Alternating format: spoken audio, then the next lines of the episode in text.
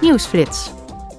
Vandaag gaat er een nieuwe vergaderperiode van het Europees Parlement van start in Straatsburg.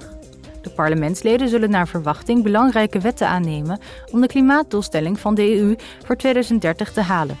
Vandaag zullen ze in de grote vergaderzaal debatteren over wetsvoorstellen voor de hervorming van het emissiehandelssysteem, waaronder voor de lucht- en zeevaartsector, het mechanisme voor koolstofgrenscorrectie en een nieuw sociaal klimaatfonds. Morgen zullen ze over de voorstellen stemmen. Het parlement debatteert vandaag ook over een nieuwe wet op grond waarvan bedrijven moeten garanderen dat in de EU verkochte producten niet afkomstig zijn van waar dan ook ter wereld ontbost land. De nieuwe verordening zal klimaatverandering en biodiversiteitsverlies helpen tegengaan door ontbossing te voorkomen die veroorzaakt wordt door de EU-consumptie van bepaalde producten. De lidstaten van de EU hebben de nieuwe verordening al goedgekeurd en de parlementsleden zullen deze woensdag in stemming brengen.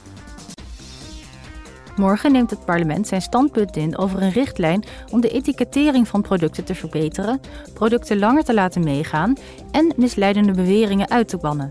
Het ontwerpverslag van de Commissie Interne Markt is bedoeld om algemene milieuclaims, zoals milieuvriendelijk, natuurlijk, biologisch afbreekbaar en klimaatneutraal, te verbieden als deze niet met duidelijk bewijs worden onderbouwd. Het parlement is van mening dat duurzaamheidskeurmerken alleen mogen worden toegestaan als ze gebaseerd zijn op officiële certificeringsregelingen. Zo wordt de productinformatie eenvoudiger en kunnen consumenten makkelijker weloverwogen keuzes maken.